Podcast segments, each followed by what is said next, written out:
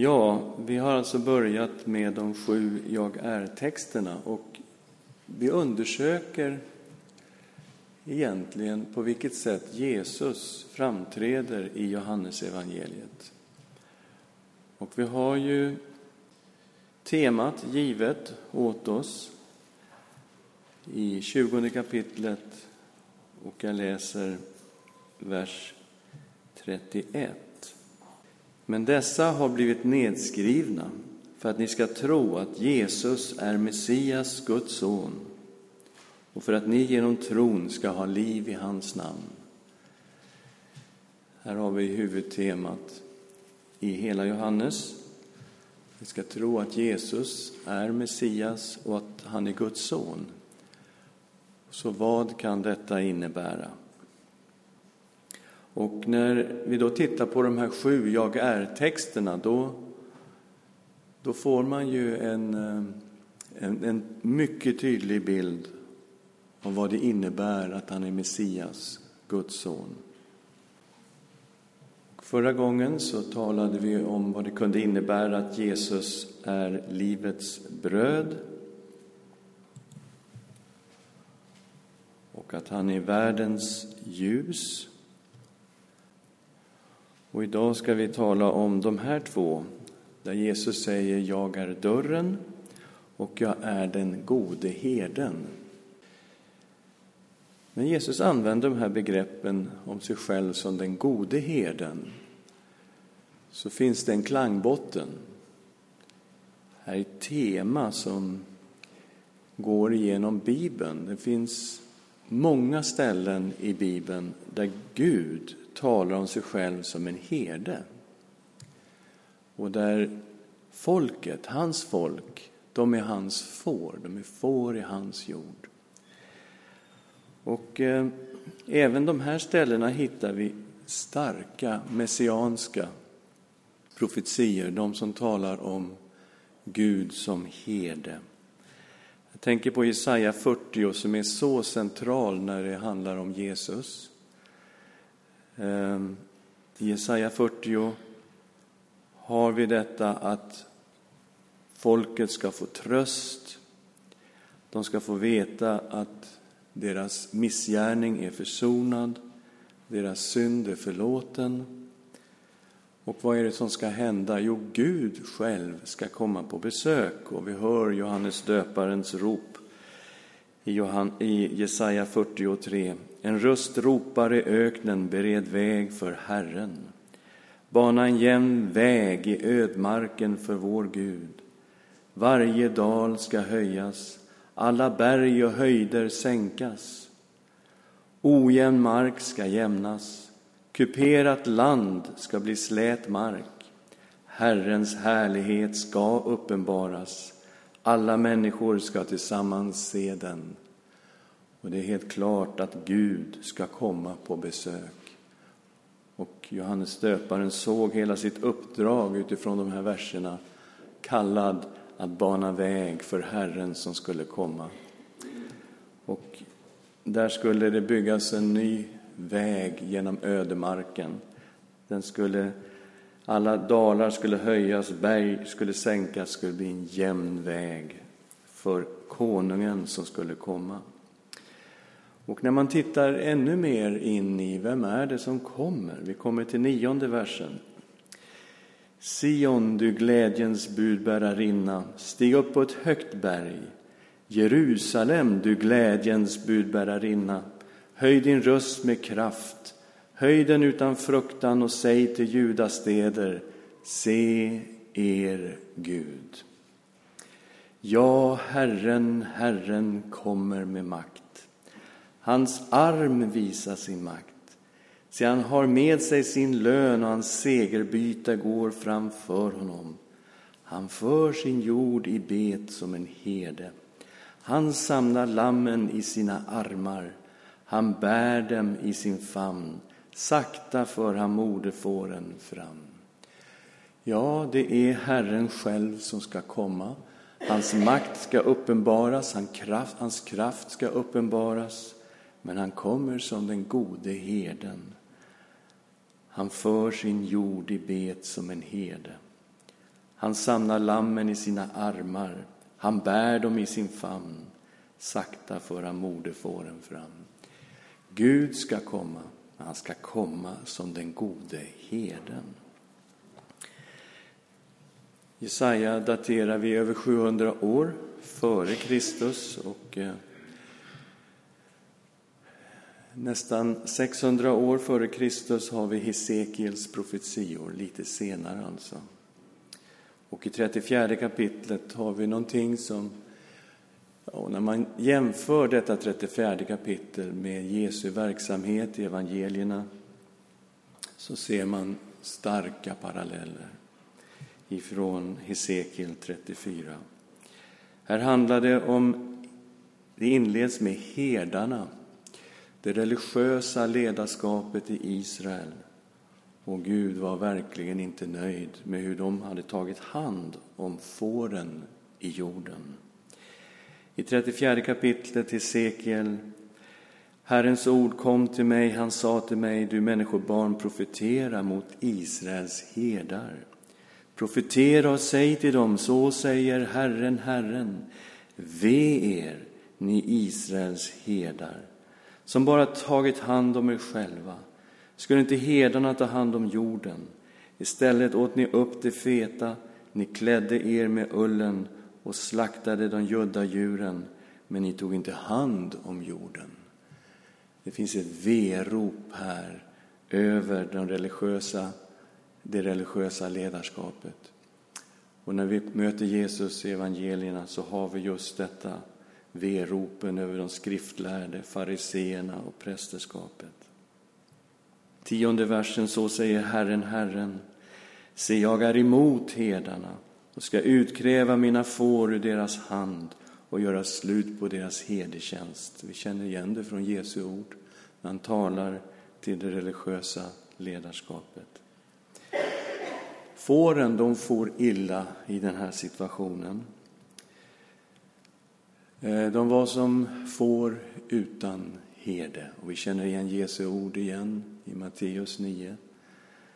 De var som förlorade får, borttappade får som herden behövde gå och söka efter. Och vi känner igen Jesu liknelser. De, de svaga stärkte ni inte, de sjuka botade ni inte, de sårade förband ni inte. Det som drivit vilse förde ni inte tillbaka. De förlorade sökte ni inte upp, utan med hårdhet och grymhet härskade ni över dem. De skingrades eftersom de inte hade någon herde. De blev till mat åt alla markens djur. Mina får irrar nu omkring på alla berg och alla höga kullar.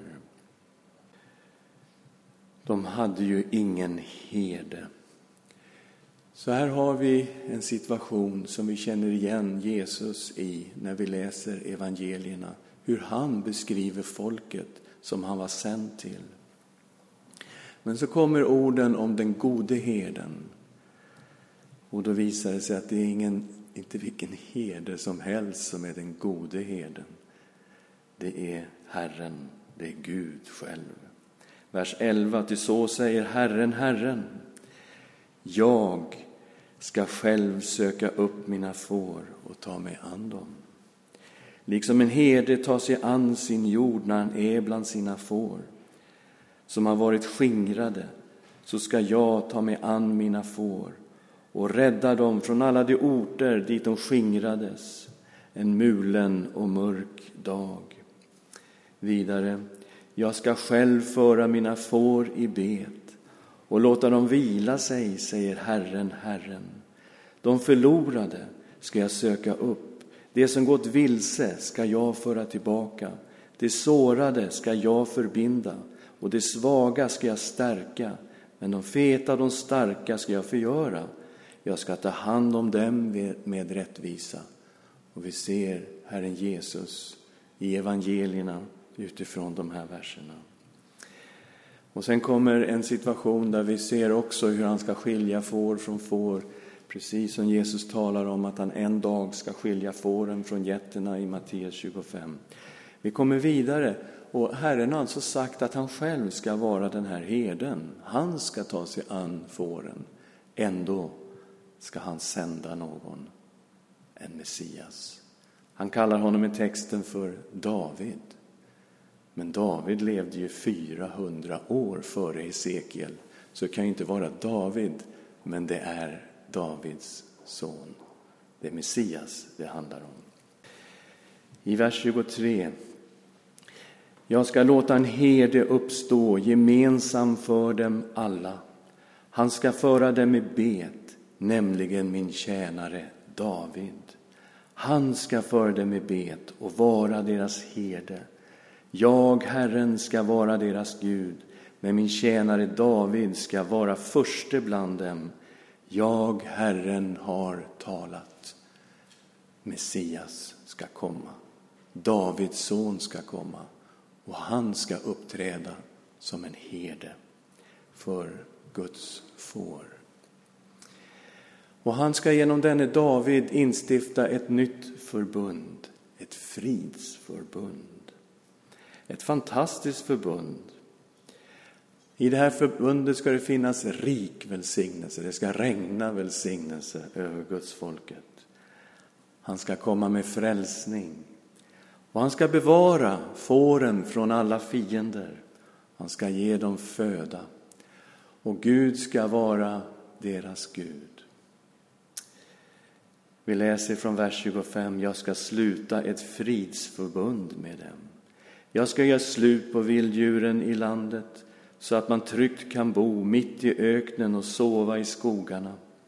Jag ska låta dem själva och landet runt omkring min höjd bli till välsignelse. Jag ska låta det regna i rätt tid, regnskurar av välsignelse. Träden på marken ska bära sin frukt, jorden ska ge sin gröda och själva ska de bo trygga i landet. De ska inse att jag är Herren när jag bryter sönder deras ok och räddar dem från de människor som har hållit dem i slaveri. Sedan ska det inte mer vara ett byte för hedna folken och markens djur ska inte sluka dem, utan de ska bo trygga och ingen ska skrämma dem. Jag ska låta en plantering växa upp som ska bli till berömmelse för dem. De som bor där ska inte mer dö av hunger eller föraktas av hedna folken. De ska inse att jag, Herren, deras Gud, är med dem och de, Israels hus, är mitt folk, säger Herren, Herren. Ni, mina får, den jord som jag för i bet, ni är människor och det är jag som är er Gud, säger Herren, Herren. Och vi ser det nya förbundet framför oss. Det som profeterades av Jeremia samtida med Hesekiel. Han bar ju fram profetian om det nya förbundet. Och vi ser här att det ska komma genom David, men inte David som levde 400 år före Hesekiel, utan genom Davids son, Messias. Och när vi har det här bakom oss och kommer till det tionde kapitlet så ser vi att Jesus talar absolut inte ut i någon sorts vakuum. Det finns en enorm klangbotten i Gamla testamentets profetior om Gud som en herde och om Messias som ska komma, om ett nytt förbund som ska uppstå, ett fridsförbund. Det är utifrån det här då som vi ska titta på det tionde kapitlet i Johannes.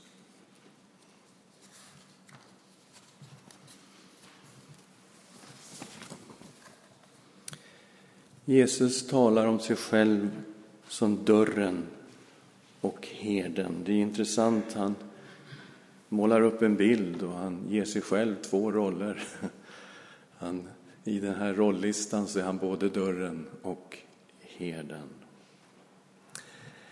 Det finns får, det är de troende, det är de som följer honom. Det finns falska herdar och det finns tjuvar och det är det religiösa ledarskapet Jesus syftar på. Det är prästerna, fariseerna och de skriftlärde. Det är de som beskrivs här som falska herdar. Och vi ser Hesekiel 34 framför oss. Det finns bara en väg in i fårfållan och det är genom dörren. Alla som går in genom någon annan väg, säger Jesus, är tjuvar och rövare. Men det finns bara en väg in. Han heter Jesus. Och vi läser i tionde kapitlet, början i vers 1. Amen, amen, säger jag er. Den som inte går in i fårfållan genom dörren utan tar sig in på något annat ställe, han är en tjuv och en rövare. Men den som går in genom dörren är fårens herde. För honom öppnar dörrvaktaren och fåren lyssnar till hans röst. Och han kallar sina, på sina får och nämner dem vid deras namn och för ut dem. Och när han fört ut alla sina får går han före dem och fåren följer honom därför att de känner igen hans röst. Men en främling följer dem inte utan fly bort ifrån honom därför att de inte känner igen främlingens röst. Och så är det ju med får. Om man inte är fåraherde så kan man ju stå där och skrika sig hes, det händer ingenting. Och så kommer herden och det är bara ett rop och så följer fåren sin herde. Sjunde versen. Amen, amen säger jag er, jag är dörren till fåren. Alla som har kommit före mig är tjuvar och rövare, men fåren har inte lyssnat till dem. Jag är dörren. Den som går in genom mig ska bli frälst, ska gå ut, han ska gå in och gå ut och finna bete. Tjuven kommer bara för att stjäla, slakta och döda. Jag har kommit för att det ska ha liv, ja, liv i överflöd. Det fanns bara en väg in i fårfållan. Den gick genom dörren. Det här var ju en mur, det fanns ju taggbuskar runt omkring och det här var ju till skydd för fåren under natten. De här låg oftast inte inne i städerna utan lite utanför där man då kunde under natten skydda fårjordarna.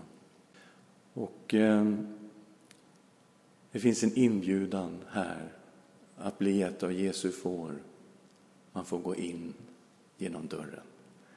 Den som går in till den här fårjorden genom Jesus blir frälst.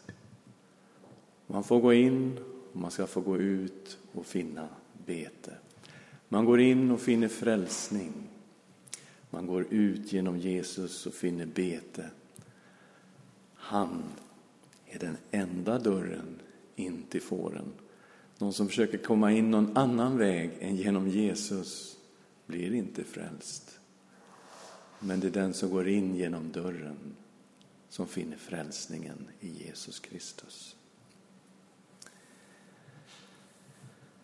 Han är den gode heden, vers 11. Jag är den gode heden. Den gode heden ger sitt liv för fåren. Och det är ju fantastiskt vilken kärlek det handlar om. Inte får som ska offras här, utan man vänder på hela bilden och säger nej, det är herden som ska offras. Det är herden som ska ge sitt liv för fåren. Man ser djupet i kärleksrelationen, vers 14, jag är den gode herden och jag känner mina får, mina får känner mig. Liksom Fadern känner mig och jag känner Fadern och jag ger mitt liv för fåren. Hur djup är denna relation mellan Jesus och hans får? Det går knappt att förstå den. På samma relation, på samma sätt som Fadern och Sonen känner varandra. På samma sätt finns fåren i en djup gemenskap med herden. Det är en familjegemenskap, Guds familj. Det handlar om Guds barn. Så nära är den här relationen. Det handlar om Guds barn. Och kärleken är så djup att Jesus betygar igen. Jag ger mitt liv för fåren. Och han är väldigt noga med att ingen tar hans liv. Ingen har makt att ta Jesu liv. Han ger det av fri vilja. Och där ligger kärleken. Sjuttonde versen. Fadern älskar mig därför att jag ger mitt liv för att sedan ta det tillbaka. Ingen tar det ifrån mig, utan jag ger det av fri vilja. Här är kärleken. Jag har makt att ge det, jag har makt att ta det tillbaka. Det budet har jag fått av min fader. Så älskar Jesus sina får. Ja, han är en god herde. Och det går ännu längre. Han ger oss liv, liv i överflöd, ännu mer. Han ger oss evigt liv. Evigt liv. Och vi kommer till den 27 versen. Mina får lyssnar till min röst och jag känner dem och de följer mig. Jag ger dem evigt liv och det ska aldrig någonsin gå förlorade. Och ingen ska rycka dem ur min hand. Vad min fader har gett mig är större än allt och ingen kan rycka dem ur min faders hand. Ja, det är ingen vanlig herde vi talar om för de här fåren. Det är en mycket speciell person. Om vi vågar ställa oss frågan vem i universum har makten att ge evigt liv?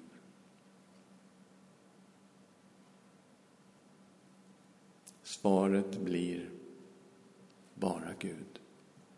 Ingen annan än Gud kan ge evigt liv till människor. Och Jesus säger att jag ger dem evigt liv. Och ingen ska rycka dem ur min hand. Du tänker på alla krafter och makter som någonsin kan finnas i universum. Ingen kan rycka dem ur Jesu hand. Han som ger evigt liv till sina får? Ingen. Så vem är han? Han är en uppenbarelse av Gud själv. Och eh, ingen kan ju rycka dem ur min faders hand. Jag och Fadern är ett. Och vi ser framför oss psalm 139. Du omsluter mig på alla sidor och håller mig i din hand. Så vem är Jesus? Han är Gud. Jag och Fadern är ett, säger Jesus. Gud är en. Gud är en. Och det är klart, när judarna hör det här, då tar de upp stenar för att stena Jesus och uppfattar att han hädar. Som säger att han är ett med Gud. Så, Jesus är Messias, Guds son, genom Johannes evangeliet. Hur är det med bilden? Blir den ännu större när vi ser vad Jesus talar om sig själv som dörren och som den gode herden? Att han är sann människa, det är ju mycket tydligt i de här verserna. Han har ju kommit som en herde och enligt profetian så skulle ju David komma som en herde. Han är ju Davids son. Han är ju Messias. Han är människa, han kom för att offra sitt liv för fåren. Han är sann människa. Men han är också sann Gud. Han är givare av evigt liv och han är ett med Fadern. Så när vi säger att Jesus är Messias, Guds son, ligger hans mandom och hans gudom där. Helt uppenbarad. När han talar om sig själv som den gode herden så är det utifrån profetierna om honom. Sann Gud och sann människa. Också i Hesekiel 34 såg vi att Herren, Herren, Jahve, han är heden. Jag är heden för fåren, sa Gud. Och ändå, jag ska sända David, Messias. Sann Gud och sann människa uppenbaras här i det tionde kapitlet. Ska vi be tillsammans. Herre, vi tackar dig för att du är dörren och vi får gå in genom dig och finna frälsning genom dig. Tack Herre att du också för oss ut på bete. Att du låter dina välsignelser regna över oss som dina får. Tack att du har kommit för att vi ska ha liv och liv i överflöd. Ett överflödande liv i dig, Herre. Tack att detta liv är ett evigt liv och att det är du som är givare av det eviga livet, Jesus Kristus, Guds son. Vi tackar dig och vi prisar dig och tillber dig. Du är vår herde. Du är den gode herden. Du är den som profeterna talade om. Vi böjer oss inför dig och tillber dig. I Jesu namn. Amen. Ja, vi har tid på oss. Och eh, har ni några kommentarer kring de här texterna, de här begreppen av Jesus som den gode herden, som dörren till fåren? Ja, Jenny.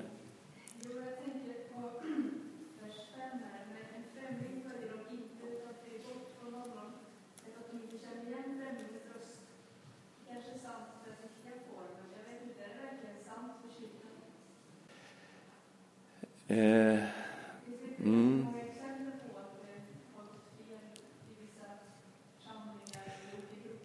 Mm. Jo då, och Jesus talar ju också om detta som en fara, att det finns ju en, en frestare. Det finns ju en ond makt, djävulen, Satan. Och eh, visst, han kommer på olika sätt att försöka förleda fåren. Och när Jesus talar om just förförelsen av barnen i Matteus 18 så finns ju de här veropen över dem som förleder någon av dessa små. Jesus är till och med så stark att han säger det vore bättre om en kvarnsten hängdes om hans hals och han kastades i havet än att han förledde någon av de små, av barnen. Och, ehm, så så det, det, finns med hos Jesus och du sätter ju fingret på någonting väldigt verkligt. Vi har ju en själafiende som försöker hela tiden få oss att gå vilse. Eh, men eh, jag tror också att vi som kristna har ändå det här, vi känner Herrens röst, vi hör vad som är Guds ord och vi tar det till våra hjärtan. Eh, så det är inte så att vi är helt nollade på något sätt och vi hör inte när Jesus talar genom skriften. Det är ju inte så. Vi hör ju när Gud talar genom skriften. Eh, vi känner ju Guds ande som, som liksom bekräftar skrifterna och säger ja, ja visst, så här är det. Så att, ehm, mm. Men det finns en, en större bild också och Jesus talar om den större bilden och att man kan bli förförd eller förledd bort ifrån sanningen. Det är bra. Ja, men samtidigt då vill jag trycka på att Det är inte jag som bevarar mig själv hos Jesus. Det är herden som bevarar mig i jorden. Jag har inte den kraften eller den inneboende egna förmågan att bli bevarad till e- evigt liv. Jag är oerhört beroende av att det är Gud som bevarar mig hela vägen ända till härligheten. Och Jesus är så stark när han säger att jag ger dem evigt liv och ingen kan rycka dem ur min hand. Och att ingen kan rycka dem i min faders hand och jag och Fadern är ett.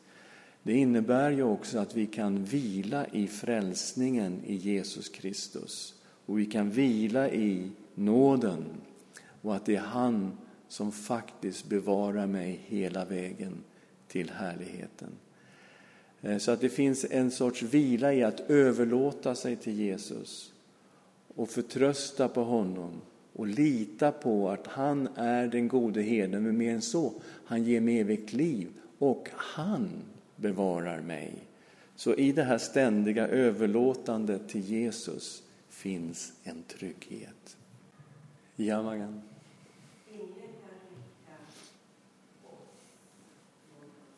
Mm.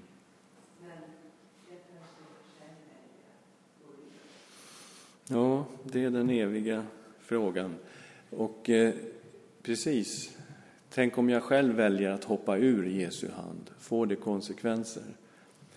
Och eh, visst, det får konsekvenser. Eh, Gud på något sätt respekterar ju människan och människans val. Eh, så att man kan inte säga att det är utan konsekvenser om någon väljer att helt kompromissa med den här världen, väljer att kompromissa med den ondes värderingar och säger det här spelar ingen roll för att eh, jag är ju bevarad hur jag än lever och vad jag än gör och hur jag än tänker. Det är ju ett stort problem alltså. Eh, här finns det ju oerhört starka varningar, inte minst i Hebreerbrevet, mot det här sättet att tänka. Så att eh, visst får det konsekvenser om man medvetet väljer bort Jesus. Det får det. Mm. Men den som vill blir bevarad. Jag brukar säga så här att de här oerhört starka texterna om varning för avfall som vi har i brevbrevet, de är alltså riktade mot människor som säger men jag är ju kristen, jag kan ju göra vad jag vill och jag kommer ändå att bli bevarad och det är lugnt. Där finns varningarna. Omvänd dig, omvänd dig, omvänd dig. Du måste omvända dig. Har ingen annan väg att gå. Men den som säger jag är så dålig, jag är så svag, eh, jag klarar inte det här, hur ska det gå? Jesus är mitt enda hopp. Ska få höra orden. Ingen kan rycka dem ur Jesu hand. Gud bevarar dig hela vägen ända till härligheten. Vila i Jesus, vila i nåden. Så det, det finns som två budskap beroende på hur människan själv förhåller sig till Jesus. Mm, jättebra, tack. Mm, det är bra, vi tar den. Sextonde versen, Lars Anton påpekar här, jag har också andra får som inte hör till den här follan. De måste jag också leda, och det kommer att lyssna till min röst. Så ska det bli en jord och en herde. Och de andra fåren som inte hör till den här follan är ju hedna folken. Och vi får vara med i Guds folket genom Jesus Kristus. Och det blir en jord och en herde. Judar och hedningar i samma församling tillber Kristus och Herren. Mm, tack. Mycket välsignat. ja, Nils?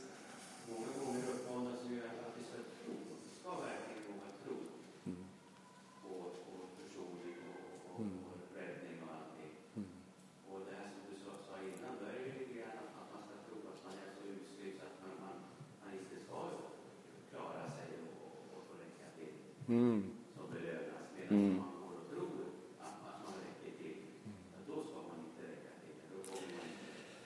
Bra. Jag menar, okej, man ska tro, man ska tro, men sen...